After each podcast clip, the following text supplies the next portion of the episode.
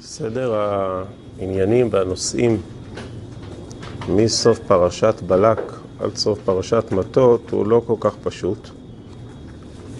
בסוף פרשת בלק יש את האירוע עם המדיינים, שבנות מדיין מכשילות את עם ישראל בחטא פאור.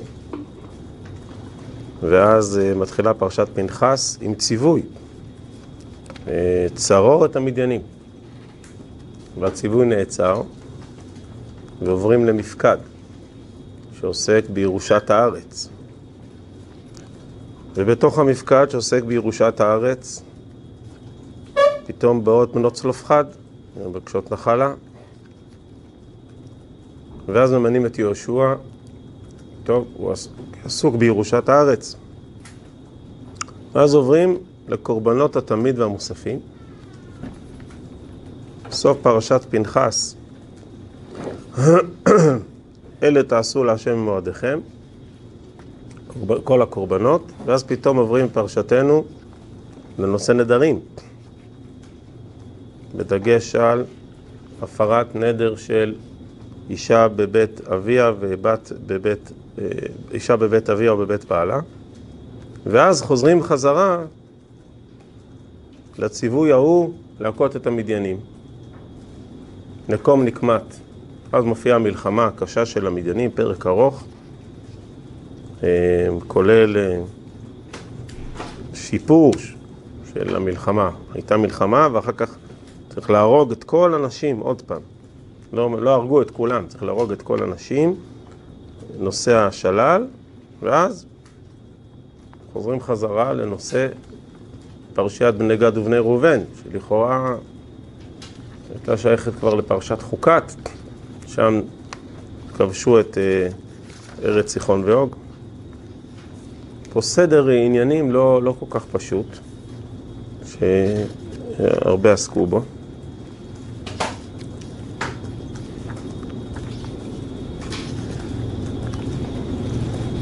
נתחיל אולי מנקודת המפגש שבין סוף פרשת פנחס לתחילת פרשת מטות. סוף פרשת פנחס, קורבנות, בדגש על תמידים כסדרם ומוספים כהלכתם. אלה הקורבנות הציבור שקבועים בחוק, הם לא תלויים ברצון של אף אחד באופן אישי. זה התמידים כסדרם ומוספים כהלכתם, זה הנורמה הציבורית. ובסוף פרשת פנחס, ממש בשני הפסוקים האחרונים, אלה תעשו להשם במועדיכם, רש"י, דבר הקצוב לחובה, לבד מנדריכם ונדבותיכם, עולותיכם. זאת אומרת שבסוף פרשת פנחס רומזים שיש עולם אחר, שנקרא עולם נדריכם, עולם הנדר. יש את החוק, את החובה, ויש את הנדרים. וגם אם היית ברגל, אומר רש"י, והשתתפת בקורבנות המוספים, אבל אם אתה צריך לנדור נדר, אתה צריך לחזור עוד פעם. ואז אולי אפשר להבין את הרצף, שהיות והתורה הזכירה אל מול החוקים והדברים הקצובים את העולם הנדרים, שהוא עולם אישי, שהוא לא בחוק, הוא לא קבוע, אז פרשת מטות פותחת בנדרים. זאת אומרת שיש פה בעצם איזון, או הדגשה של שני צדדים. הצד של החוק, הסדר, החיוב, ומולו יש גם רגשות של התנדבות, נדרים, שרוצים, לפעמים, לא קבוע. עולם הנדרים בא אה, לעסוק במערכת היחסים שבין השכל לנפש. השכל, אה, התורה, היא קבועה. המצוות, החוקים, זה קבוע. אה, לא שואלים אותנו בבוקר מה המצב רוח שלנו. יש קריאת שמע, תפילה, תפילין, ציצית, מנחה, ערבית, שבת מגיעה, יש מותר, אסור, לא שואלים אותנו אם זה מתאים לנו, לא מתאים לנו, אם זה מתחברים, לא מתחברים. תמידים כסדרם, מוספים כהלכתם, זה השכל, חוקים.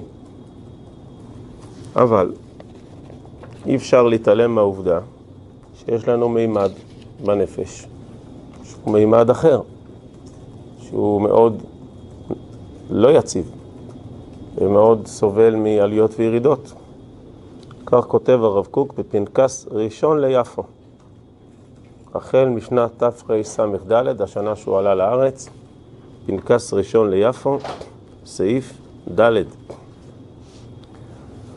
זמני ההתרוממות של הנפש אינם תמידים. זה לא תמידים, זה בדיוק הפוך מפרשיית התמיד. פרשיית התמיד היא פרשת הקביעות, תמיד. ואילו זמני התרוממות הנפש אינם תמידים. הם דומים ללהט החרב המתהפכת. מה זה להט החרב המתהפכת? הרמב"ם מסביר במורה נבוכים שהעולם עולם הנבואה, עולם הדבקות בהשם, הוא עולם של ברקים, ופתאום גילויים כאלה, גיל מוחים מתהפך. להט זה ברק, וכמו הברק שמתנוצץ לאור השמש, ומתהפך, לפעמים ככה, לפעמים ככה, זה הנפש שלנו. ולכן, אנחנו לא רוצים לזלזל, ובטח לא להדחיק את העובדה שזה קיים בתוכנו. כן, יש בתוכנו יסוד תמידי וקבוע וחוקי, אבל יש בתוכנו גם יסוד נפשי לא קבוע, מאוד משתנה. זמנים של רוממות וזמנים שבהם אין רוממות. כותב הרב, אנחנו לא רוצים שזמני הרוממות יישכחו ולא יישאר להם רושם.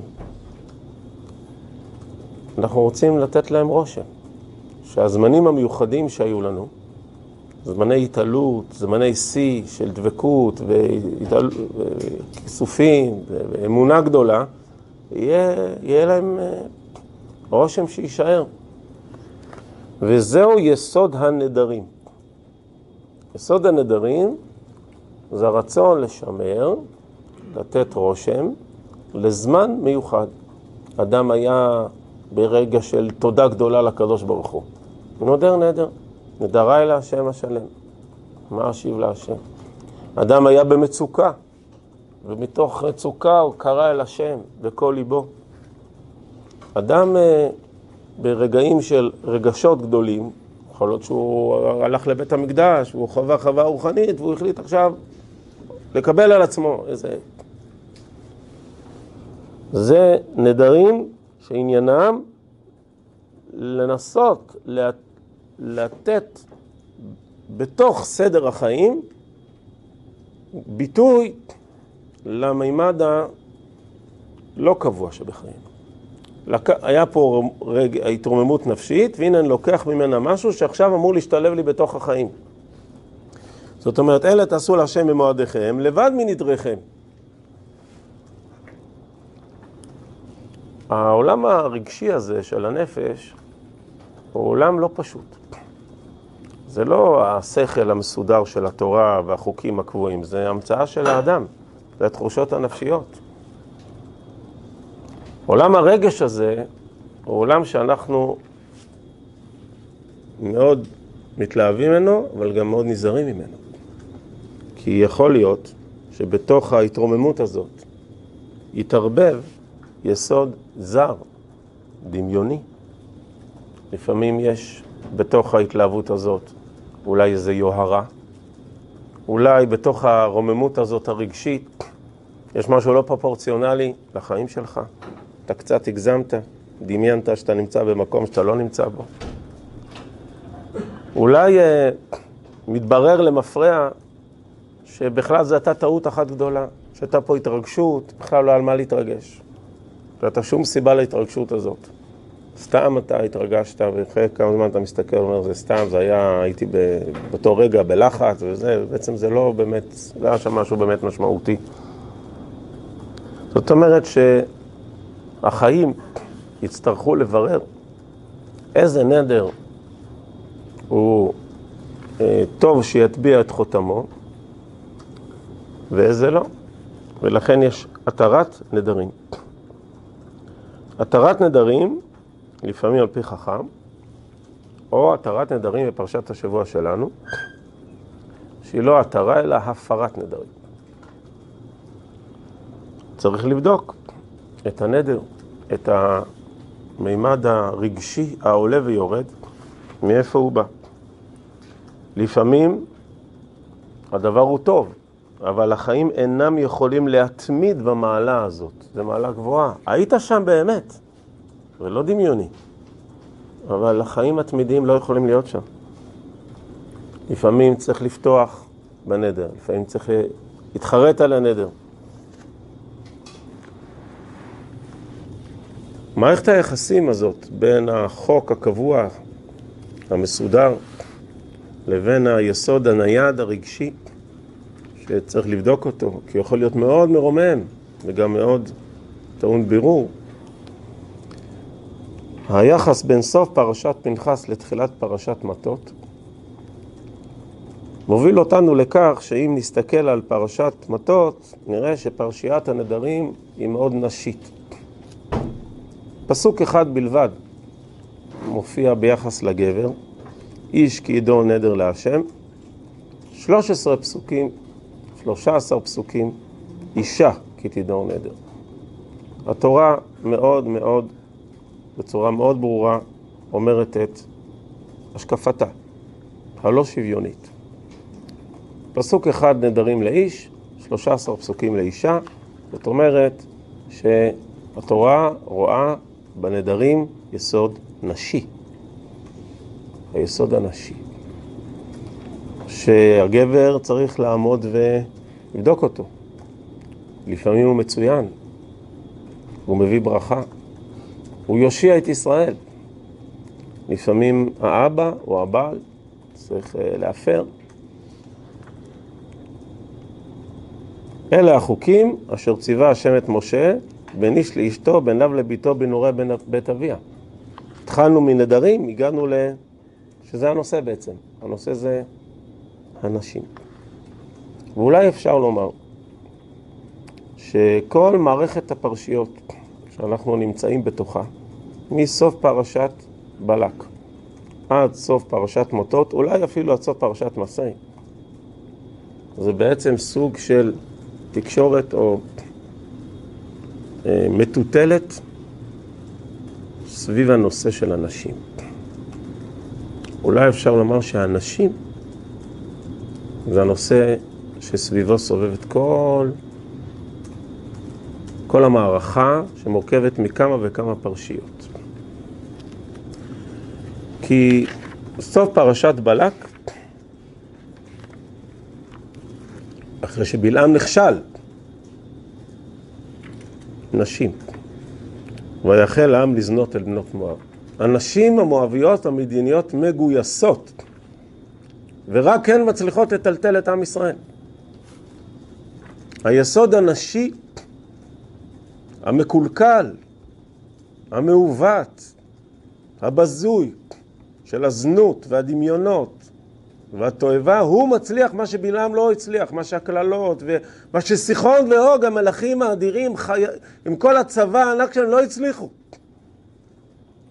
כל הגברים לא הצליחו, לא בצורה צבאית ולא בצורה אחרת, לא הצליחו.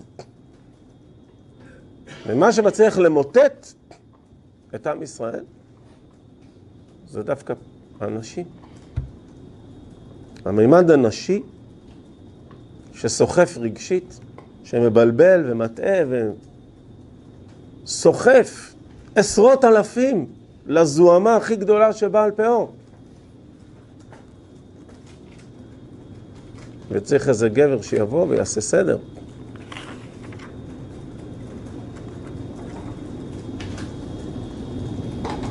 צרורת המדיינים, אבל על מה? הנושא זה הנושא של הנשים. ליצור את המדיינים זה לא מספיק. לתת מכה למדיינים. כי בעצם יש פה שאלה. מעמד האישה, תפקידה של האישה. המדיינים שמו את נושא האישה על השולחן, מתחת לשולחן, בצורה הכי נוראית שיש. זה מבחינתנו, זאת אישה. זה התפקיד שלה, זה הייעוד שלה, זה הכוח שלה. זה לא מספיק לצרור מדיינים, כי זה נושא זה כוסבי. אז מה זה, מה זה נשים אצלנו?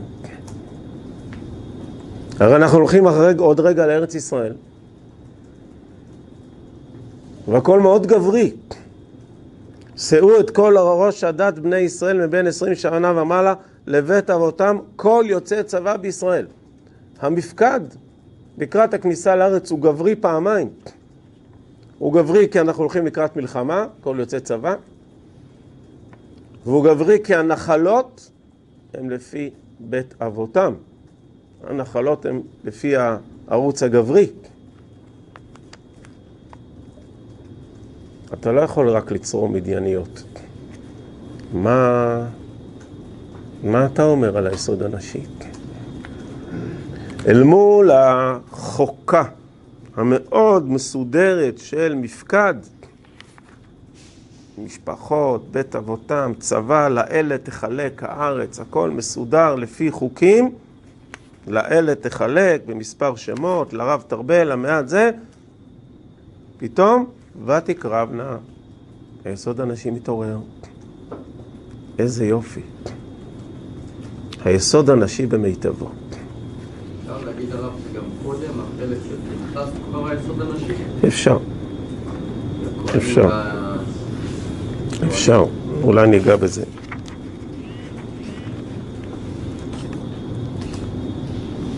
היסוד הנשי מתעורר, ותקרבנה בנות צלופחד.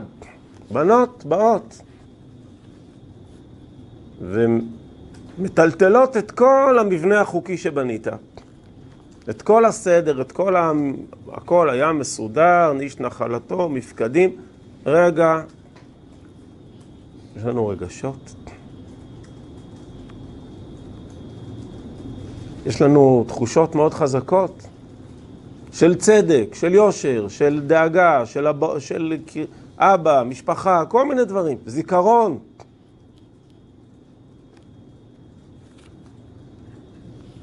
צודקות. ויקרב משה את נשמתן. ויאמר השם משה לאמור, כן בנות צלופחד דוברות, כן, נכון, צודקות. אתה לא יכול לצרור מדייניות אם אתה לא מברר מה זה כן. כן. מה כן? לא מספיק להגיד מה לא, צריך להגיד מה כן. כן בנות צלופחד דוברות.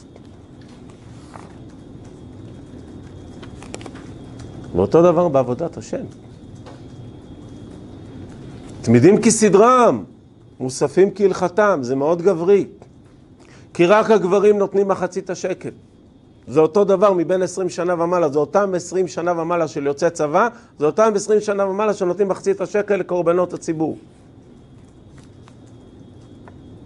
יש חוקים, לא שואלים, מרגיש, לא מרגיש, נחמד, לא נחמד, תמידים כסדרם, מוספים כהלכתם. מי נותן את הכסף הזה? למי זה שייך? זה עולם גברי מאוד. זה עולם צבאי מאוד.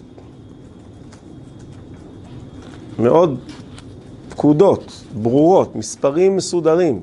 אין מה, אין, אין, אין... ואז, בסוף פרשת פנחס, רגע, רגע, אבל... אבל מה עם היסוד הנשי? לבד מנדריכם ונדבותיכם. ואז מיד, ואישה כי תדור נדר להשם. זה הצד הנשי. מה עם היוזמה? מה עם הרגשות? מה עם רוממות הנפש שפתאום מתרוממת? ואחר כך זה שונה. יש לזה מקום? חייבים להכניס את זה. רק אחרי שפעמיים התבררה המטוטלת הזאת סביב ירושת הארץ, סביב עבודת השם, מה הקול הנשי אומר? שלנו, רק עכשיו, אפשר בפרק ל"א לקיים את הציווי ההוא, נקום נקמת בני ישראל מאת המדיינים. עכשיו אפשר להילחם. במלחמה הזאת היא תהיה על הנושא הנשי, זה הנושא של המלחמה. הנושא של המלחמה עם המדיינים הוא מה זאת אישה. אבל אנחנו יכולים להילחם אחרי שאמרנו מה כן. זה לא מספיק להגיד מה לא.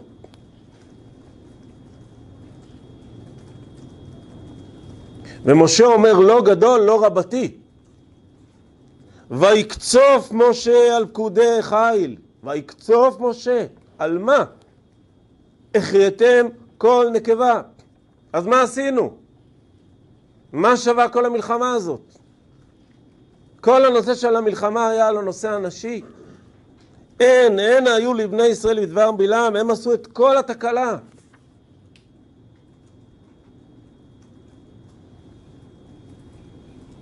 כל הצבאות לא עזרו, כל החיילים לא עזרו. אנשים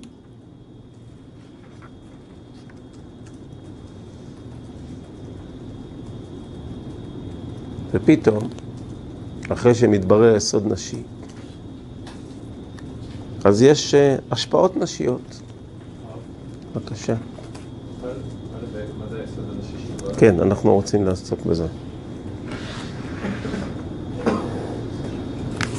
יש פה פתאום, אחרי החלוקה, חלוקת השלל מאוד מסודרת, מדויקת, מספרים מדויקים, כמה המס להשם, אחד נפש מחמש מאות, מחציתם לזה, מחצית לזה, אחוזים מחמישים, מספרים מדויקים מאוד, בדיוק איך מחלקים את השלל, בין העם ובין החיילים ובין בית המקדש, הכל מדויק מספרים.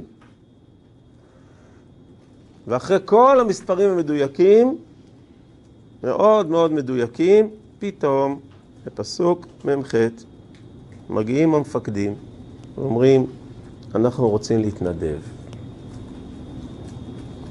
אנחנו ממש מרגישים שהשם היה איתנו. ומה הם מביאים? תכשיטים, נשיים. את כל התכשיטים הנשיים שמצאנו שם במדיין, עץ עדה, צמיד, טבעת, עגיל וחומז, תכשיטים של נשים. זה לא חובה, זה לא היה חלק מתוכנית החלוקת השלל. אנחנו מרגישים שאנחנו מאוד מאוד רוצים לתת את זה. מצד הנפש שלנו.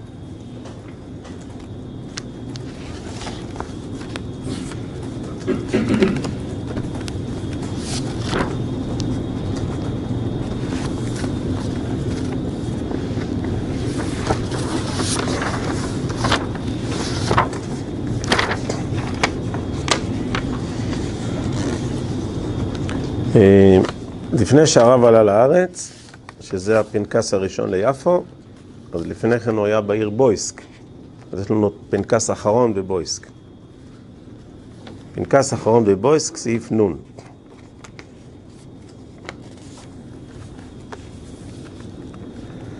שכל ורגש. אך השכל והרגש, יש ביניהם לכאורה הרבה קשר. הרבה רגשות הם תוצאה של תודעה. דברים שהבנו אותם, אנחנו יותר מתרגשים מהם. השכל יוצר תהליכים רגשיים, גם מאזן תהליכים רגשיים. מצד שני, בנסיבות החיים, אנחנו לפעמים מגיעים לצמתים, למקום צר, שהשכל והרגש דוחקים זה את זה. נכון שיש ביניהם הרבה מערכות יחסים, אבל לפעמים בסיטואציה מסוימת, השכל הוא הרגש. צריך לנהוג בחוכמה. בחוכמה ייבנה בית.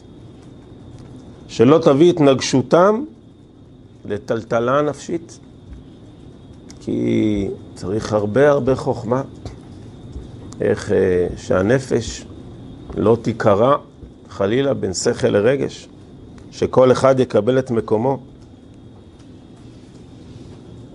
והשכל, עם כל הכבוד לו, שהוא מאוד הגיוני ומאוד uh, עקבי ויודע להוביל ולהנהיג ולסדר, הוא צריך להיות מספיק אחראי בשביל גם להסתלק הצידה כשצריך ולזוז ולהניח לכוח הרגש לעשות את תפקידו. אחריות מוטלת על השכל, דווקא השכל שמאוד אה, הגיוני ויש לו עוצמה בגלל ההיגיון שלו.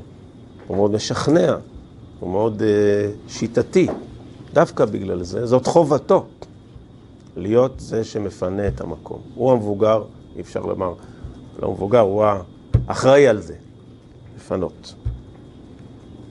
כי אם השכל לא יפנה את מקומו לרגש, האדם נהיה בעל מום. ולא רק שהרגש לא מתפתח, זה פוגע גם בשכל. גם השכל מתמסכן והולך. איש ואישה זכו שכינה שרויה ביניהם. זכו זה לא זכו בפיס. זכו זה לא הגרלה. אין דבר כזה בעם ישראל. זכו, הזדככו, זיככו את עצמם. כמובן שצריכה להיות הרבה עבודה משותפת. צריכים להיות מתפעלים זה מזה במידה ממוזגת. אבל גבר, עולם גברי, שמנסה בחוזק יד להשליט את המדיניות השכלית, הרציונלית, ההגיונית, העקבית, השיטתית, ולא יודע לפנות את מקומו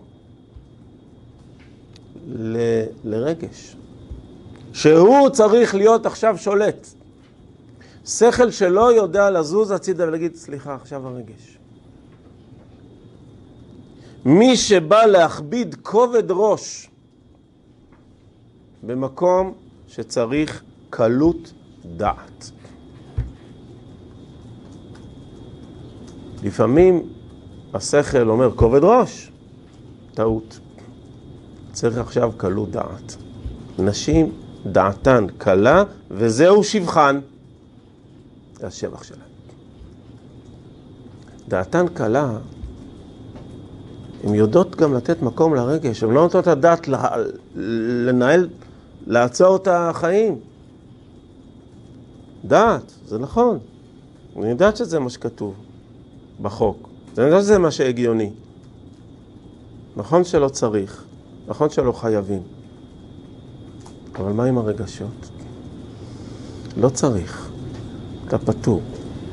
אין דין כזה, אין הלכה כזאת. אז למה סתם? אבל אנחנו מרגישים. אנחנו מרגישים כל מיני דברים. אנחנו מרגישים מה עם הצדק, ומה עם האהבה, ומה עם המשפחה, ומה עם התודה, ומה עם הכיסופים, ומה עם השמחה, כל מיני דברים, אבל לא צריך. כי, סליחה שאני מדבר מ... מהחיים, האבא אומר, כל ההורים אספו כסף וקנו מתנת אה, סוף שנה למחנך של הכיתה ונתנו 20 שקלים וקנו מתנה מכובדת למחנך של הכיתה והכל בסדר ואנחנו בסדר הוא קיבל שי מכובד מההורים וכל אחד נתן כן, אבל אני מרגישה שלא מספיק אמרנו לו תודה.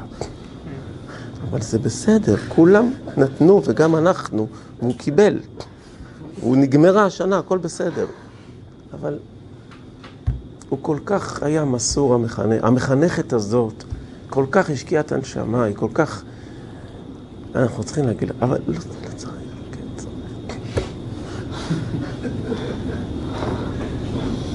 צריך. זה נקרא קלות דעת. זה נקרא קלות דעת. תפסיק עם הדעת שלך. תפסיק עם מה נכון, מה צריך, מה כתוב, מה השכל אומר. תפסיק עם ההיגיון שלך, די, צא מ... יש פה עולם, אסור לך עכשיו. מי שמנסה בחוזק יד להכניס את השכל במקום שהרגש צריך להיות שולט, ובא להכביד כובד ראש בדעתן קלה, מאבד את היסוד הטבעי מן המציאות. כן לא צופחת דוברות, הן צודקות. הן באות מהרגש. היא נודרת נדרים, והמון נדרים היא נודרת, שנובעים מייסורי מצפון, שנובעים מרצון, כי היא מפחדת מזה ומוטרדת מזה וזה לא בסדר, מה עם זה, מלא רגשות של תודה ושמחה וכאב וייסורים, ומחויבויות שהיא מחייבת את עצמה, זה לא, צר, לא צריך, לא כתוב, אין, לא, אין דין כזה. אבל לא נעים. ומה עם מצפון, וזה, צריך להגיד לו, וזה רגש, וזה, וזה, מלא דברים. ומנהגים, וכל מיני חורות, מלא דברים, עולמות.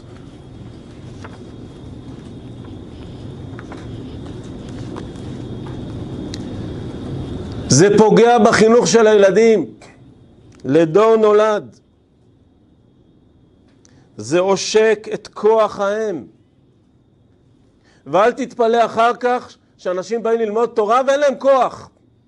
שפתאום תורה מתשת את כוחם. זה לא סתם שהתורה מתשת את כוחם, חסר יסוד אמאי.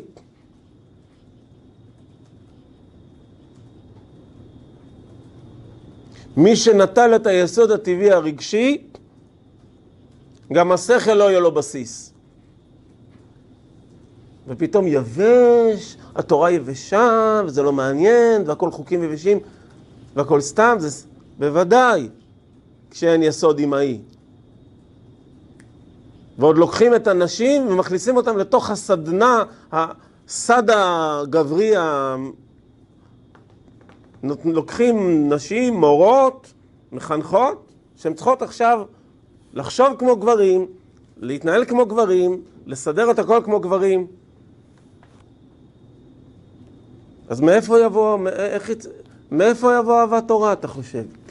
מאיפה? מהשכל? חז"ל התנגדו לזה שילמדו בנות כמו שמלמדים בנים. לא מלמדים אותו דבר. כל המלמד ביתו תורה כאילו מלמדה תפלות. מה הכוונה? זה לא עניין של אינטליגנציה ושכל. מה המשקל של הנפש, של הרגשות, של התחושות הנפלאות, של המידות. אם אתה יותר מדי תשים את הכל הקריטריונים השכליים בתורה ובכל דבר אחר, אתה חונק. אתה מכניס לתוך... אבל יש פה עולם שלם של נדרים, עולם ענק. אם אתה יותר מדי תלמד את התורה במובן של מה כתוב, אתה הורס לה את כל, את כל הרגשות. אז מי דור נדרי? מי יזום יוזמות? מי יתאהב?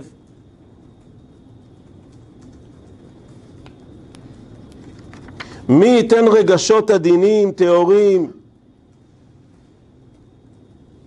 יפים, לא, לא, לא מעוצבים, לא כתובים, לא, מי ייתן את זה? מי יצמיח את זה? הגברים?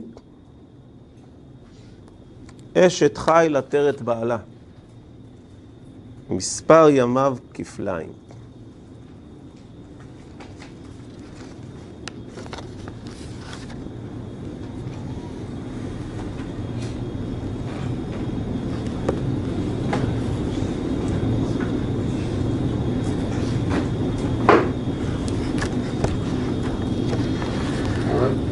כן. מה זה כוח נשי?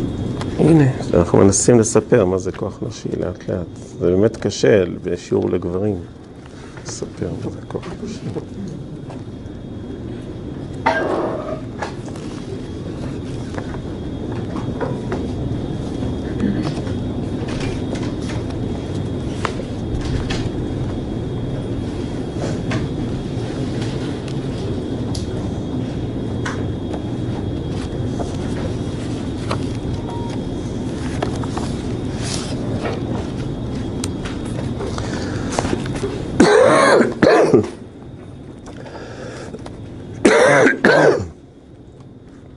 פנקס נוסף שנקרא פנקס הדפים א', זה גם נכתב ביפו בין השנים תרס"ד תרע"ד.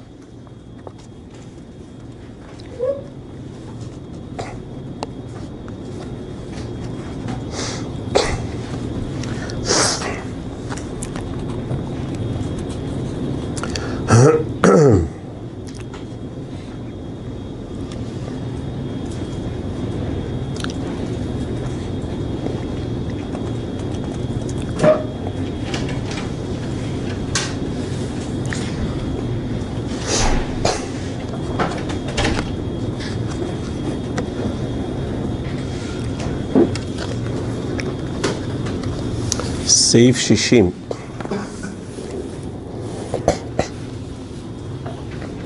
בעומק הרגש מונח הכל.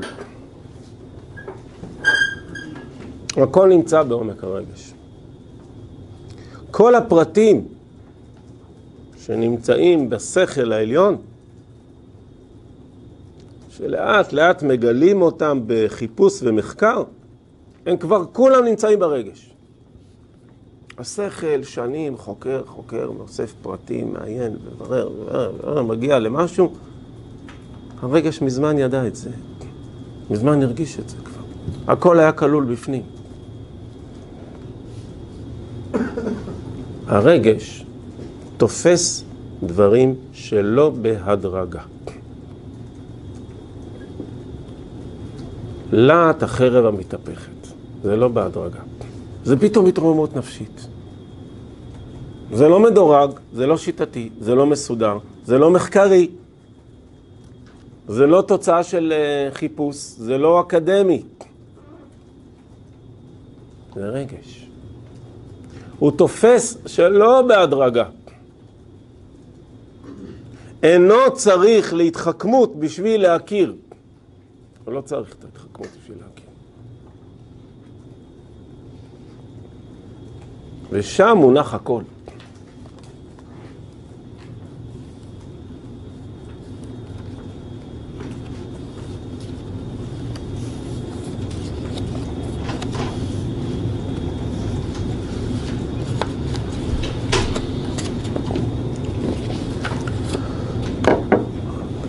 תודה רבה.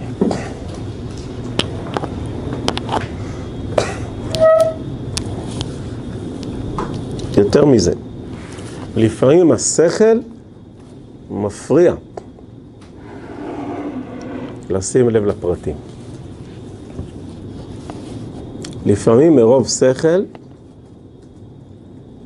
מאבדים את הפרטים הקטנים, החשובים מאוד, שרק הרגש שם לב אליהם.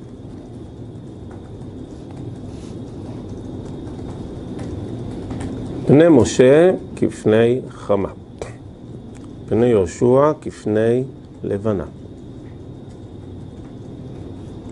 מיד אחרי הפרשייה של בנות צלופחד, יהושע.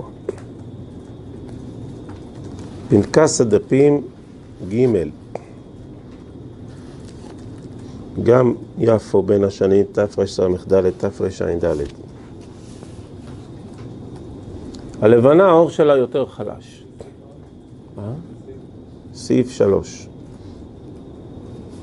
הלבנה האור שלה יותר חלש, פחות חד משמעי. השמש, דברים ברורים, בהירה, עוצמתית, אין נסתר מחמתו. הלבנה, האור שלה הוא עולה ויורד, לפעמים יותר, לפעמים פחות, לפעמים מלאה, לפעמים יורדת, מחזורית כזאת.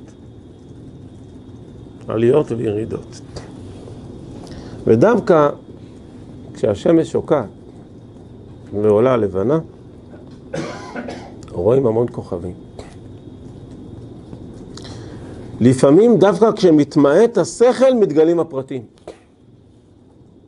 רגישות לכל מיני פרטים קטנים, שהשכל מאבד אותם, לא שם לב אליהם. מרוב שכל מרוב היגיון, מרוב שיטתיות, מרוב סדר, מרוב חוק. לפעמים לא שמים לב לפרט הקטן. כי ההיגיון והסדר והתפיסה המרחבית והעקרונות הכלליים הם מאוד חזקים. ואין לנו סבלנות, ואנחנו גם לא רואים את הפרטים הקטנים ש... שלא מסתדרים עכשיו. שהם לא הנושא, הנושא זה העיקרון הכללי. הגברים מתווכחים מה יותר נכון לעשות עכשיו בשביל ארץ ישראל? האם לעשות ככה, או לעשות ככה, או לעשות ככה, או לעשות ככה? והאישה אומרת, תראה, יש שם מישהו שנמצא שם על איזה גבעה, אולי נביא לו עוגה.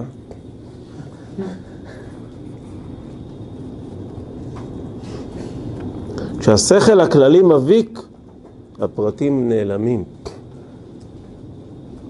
הרבה פעמים צריך להמעיט את האור, להמעיט את האור. השכל צריך לזוז, משטף מרוצתו הרוחנית. להמעיט את השכל. כדי להיבנות ברוב הפרטים הקטנים. מה זה נדרים? זה פרטים. נדרכם, נרצכם. זה רגישויות. לזה ולזה ולזה, לאנשים, לסיטואציות, למצבים, למנהגים, למה לא. ודווקא את הפרטים צריך הכי הרבה בבניין העולם.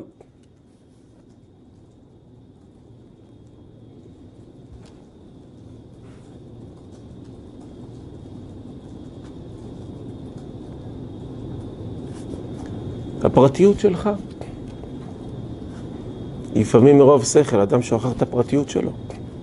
פרטיות לא במובן יצר הרע, במובן של להרגיש דרך עצמך את הכל. את כל הקדושה, את כל יראת שמיים, את כל העולם, אתה תרגיש, אתה לא תרגיש בלי עצמך, בלי הפרטיות הרגשית שלך. צריך להיוודע את, ברגשות התמידיות שבתוך הנשמה, סעיף חמש. גילוי לעצמך, להרגיש את התנועה הפרטית שבמעמקי הנפש ומתוך הפרטיות של עצמו, אדם יכול להרגיש את העולם כולו.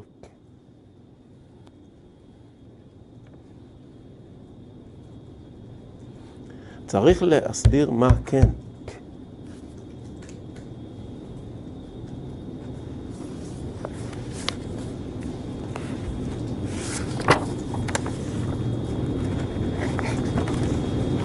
קלות הדעת הנשית צריך להבין את השבח שלה, את המעלה האדירה שלה. צריך להרוג את המדייניות. בושה וחרפה, איך שמסבירים, איך שתופסים מה זה קלות דעת של נשים. ובושה וחרפה שלוקחים נשים, אומרים להם אתם שוות רק אם אתם תהיו כמו הגברים. אם אתם תהיו רציניות כמונו, כבדות ראש כמונו, אז אתן שוות. אם לא, אז אתן קלות דעת. אז זה שתי אפשרויות. או שאת בזויה ככה, בנות מדיין, או שאת גבר.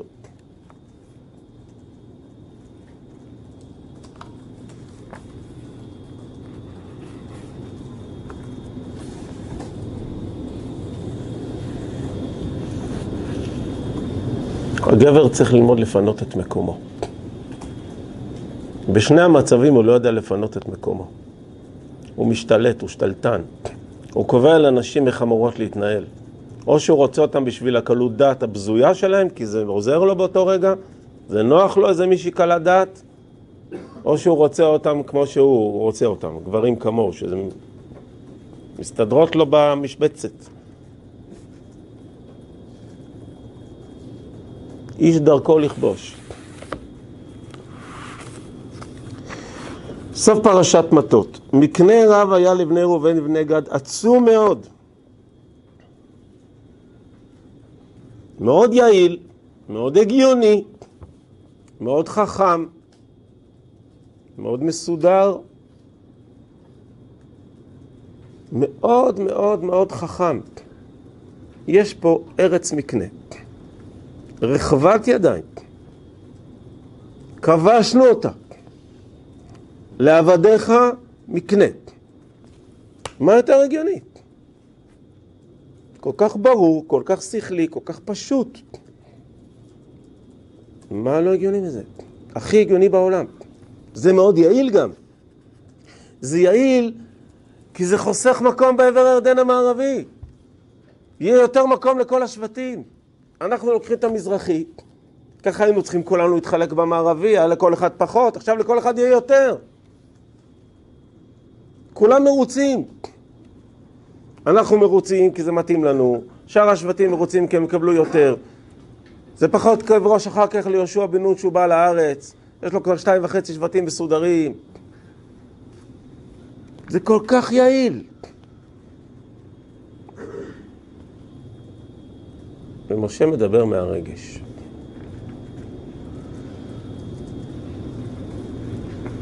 מה עם הלב? למה תניון את הלב? החיים זה לא רק השכל. החיים זה לא מה יעיל רק. יעיל כלכלי, יעיל אה, צבאי, יעיל... זה לא. יש רגשות. מה הרגשות? מה המשמעות הרגשית? איזה אווירה אתה יוצר פה? מרוב יעילות.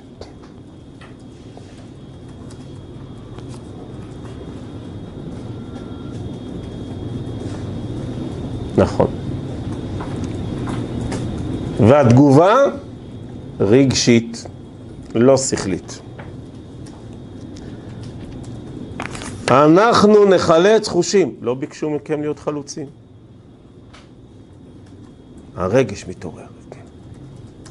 אנחנו נהיה חלוצים, ואנחנו נהיה ראשונים.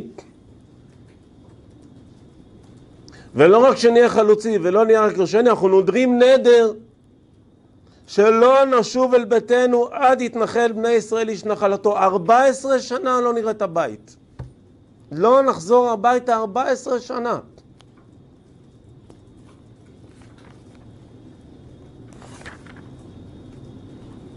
ומי יישאר שם בבתים? מי יחזיק את העסק 14 שנה? את הכבשים, את העיזים, את המקנה, את הילדים, את המשפחות, מי יהיה שם? בלי תמיכה נשית זה לא היה קורה. בלי תמיכה נשית אדירה זה לא היה קורה. 14 שנה, לא 14 יום. 14 שנה. מי מחזיק את הבית? מי מגדל את הילדים? מי אומר לילדים, אבא לא נמצא בבית כבר 14 שנה? רק בגלל סיבה אחת, רגש. רק בגלל סיבה אחת. בגלל הרגשות של השותפות והאחווה והביחד ושלא אחד לפני השני, ושיהיה מאוד הרגשה של צדק, ושאנחנו... ב... והאמונה והביטחון, מלא רגשות. בשביל זה עושים דבר מטורף. 14 שנה אנחנו חלוצים ונלחמים, ועד שלא כולם... אין צורך. זה, אין צורך, לא צריך אתכם. לא צריך אתכם צבאית. אתם לא צריכים להישאר עד שכולם יחלקו את הנחלות. אין צורך. מי דיבר על צורך? מי דיבר על היגיון? רגשות. עד שלא כל אחד מוצא את הנחלה שלו, אנחנו לא חוזרים הביתה. ומה, אתם תפתרו את הבעיות? צריך למצוא למצוא נחלה, זה שלא תחזור הביתה זה לא יעזור. זה לא קשור, זה עניין רגשי. אז מי מסוחב את ההחלטה הרגשית האדירה הזאת? 14 שנה. טפנו נשנו מקננו יהיו שם בערי הגלעד.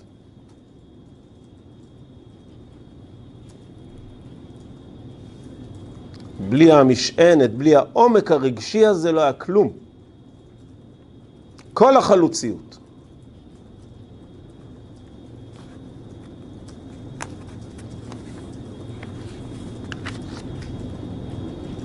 איך צריך לאזן בין השכל לרגש? אתה צריך להקשיב לו. איזה רגישות, איזה פרטים, איזה, איזה גובה. איזה מהפכות. להט החרב המתהפכת.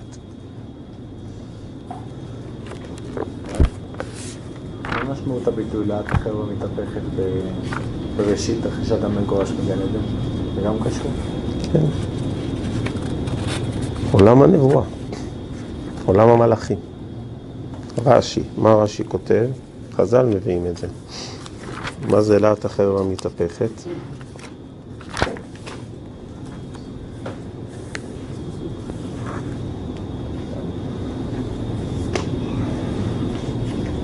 רש"י לא מביא את זה. מדרש אגדה כתוב מתהפכת, לפעמים גברים, לפעמים נשים. ככה המדרש אומר. לפעמים מדמים לגברים, לפעמים מדמים לנשים. אפשר לראות במדרש. מתהפכת. אפשר לראות במדרש. הרמב"ם מביא את זה במורה נבוכים. פרצוף גברי, פרצוף נשי. מתהפכת. אתה רוצה להיכנס לגן עדן?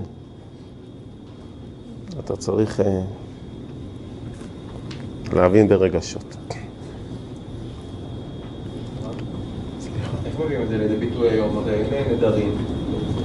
יש עולם שלם של נדרים, ענק. הבאנו שתי דוגמאות פשוטות, וזה רק דוגמה מאוד מאוד קטנות, כי יש כאלה בלי סוף. ערימות של דוגמאות כאלה. כל החיים. מלא דוגמאות. אין סוף. בין אדם לחברו ובין אדם למקום.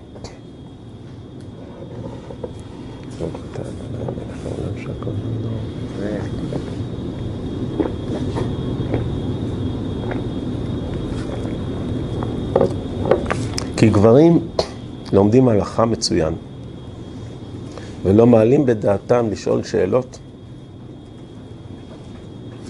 שקשורות לרגשות, לא מעלים בדעתם. מלא שאלות שרק מהעולם הרגשי זה עולה. לא מעלים בדעתם. האם מותר לרוץ בתשעת הימים? שאלת את עצמך פעם את השאלה הזאת? נכון לתשובה הגברית, האם מותר לרוץ בתשעה תשובה גברית שענית? למה לא? זו תשובה גברית אופיינית, למה לא?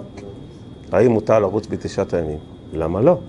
כלומר, לא רק כתוב בהלכה, למה לא? אז מאיפה השאלה הזאת מגיעה בכלל? גברים לא שואלים שאלות כאלה. אבל זו שאלה שאתמול נשאלה. רק נשים שואלות שאלות כאלה. זה שאלות של נשים שואלות. למה, למה, למה? כי ברגש, לרוץ זה לעסוק בחוויה, בספורט, בעצמי, במשהו. שש ימים זה להתאבל, אז ברגש זה לא מסתדר. אבל ההלכה, לא, לא יודע, לא, לא כתוב דבר כזה. מאיפה המצאת את השאלה הזאת בכלל? וזו רק דוגמה אחת, יש מלא כאלה. ערימות. זו תורה שלמה. זו תורה ענקית. אוי ואבוי לזלזל בה. אוי ואבוי לזלזל בה. לא לענות למה לא. לא לענות למה לא. אין איסור. זה הבדל מאוד גדול. אם אתה אומר למה לא, או אין איסור. אין איסור, זאת אומרת שאני מכבד את הרגש הזה. אני אומר אין איסור. יש לו... למה לא זה לזלזל? אנחנו לא מזלזלים. אין איסור.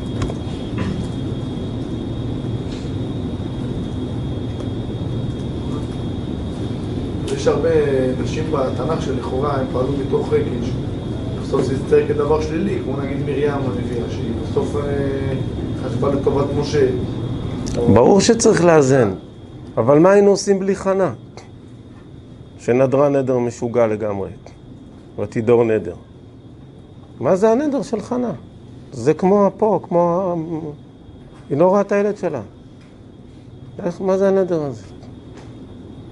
ומרים הנביאה הובילה את כל הנשים אחריה, עוד במצרים. בזכות נשים צדקניות נגאלו ישראל. בסדר, יש מה לתקן. כולנו צריכים להתאזן. יודע, עולם שלם, מה זה? עולם ענק. איזה עולם? כמה מקום צריך לתת לו, כמה כבוד.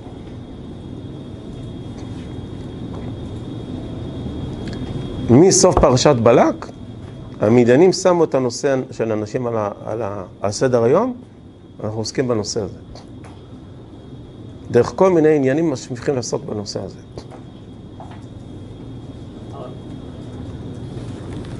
נותנים לגבר את האפשרות לבטל את הנדרים? זה כאילו, הוא לא באמת מבין. להפר ביום שומעו, הוא לא מבין. רק יום אחד, רק יום אחד, ביום שומעו.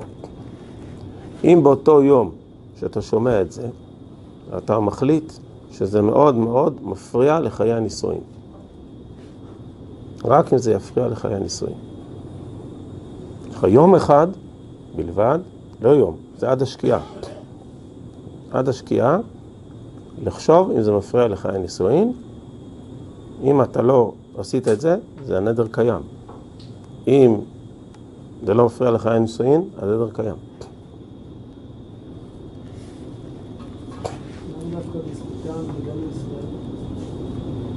כי מצד ההיגיון, אף אחד לא ראה קצה, קצה, אור בקצה המנהרה שאנחנו נצא ממצרים.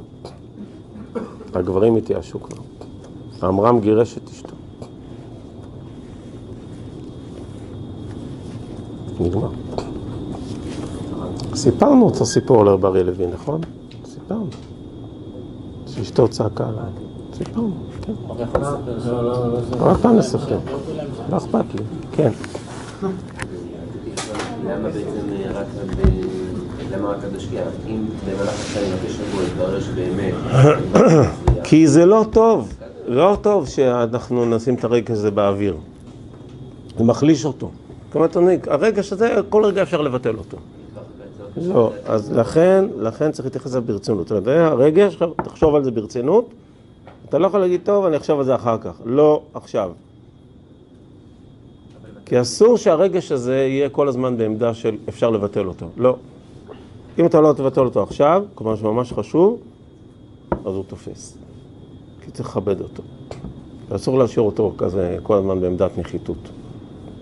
יש לך שקיעה עד השקיעה, לא רוצה, נגמר, זהו.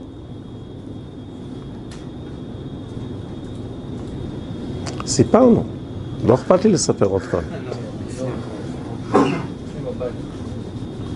מלחמת העולם הראשונה היה רעב כבד מאוד בירושלים. ילדים מתו, כפשוטו, מתו ברעב. ילדים מתו, מתו ברעב. לא היה כלום. אנשים היו עניים מרודים, לא היה כסף, לא היה אוכל, לא היה שום דבר. וגם בבית של רב אריה לוין לא היה כלום. הילדים גבו לנגד עיניו ברעב. ושמע רב אריה לוין שיש יהודי אחד שנותן הלוואות. תמורת משכון. והוא ידע שיש לו בבית ספרים עתיקים, כתבי יד שהוא קיבל, הוא הלך לאותו יהודי שהכיר אותו. הוא אמר לו, אני נותן לך את הספרים האלו בתור משכון, תיתן לי הלוואה.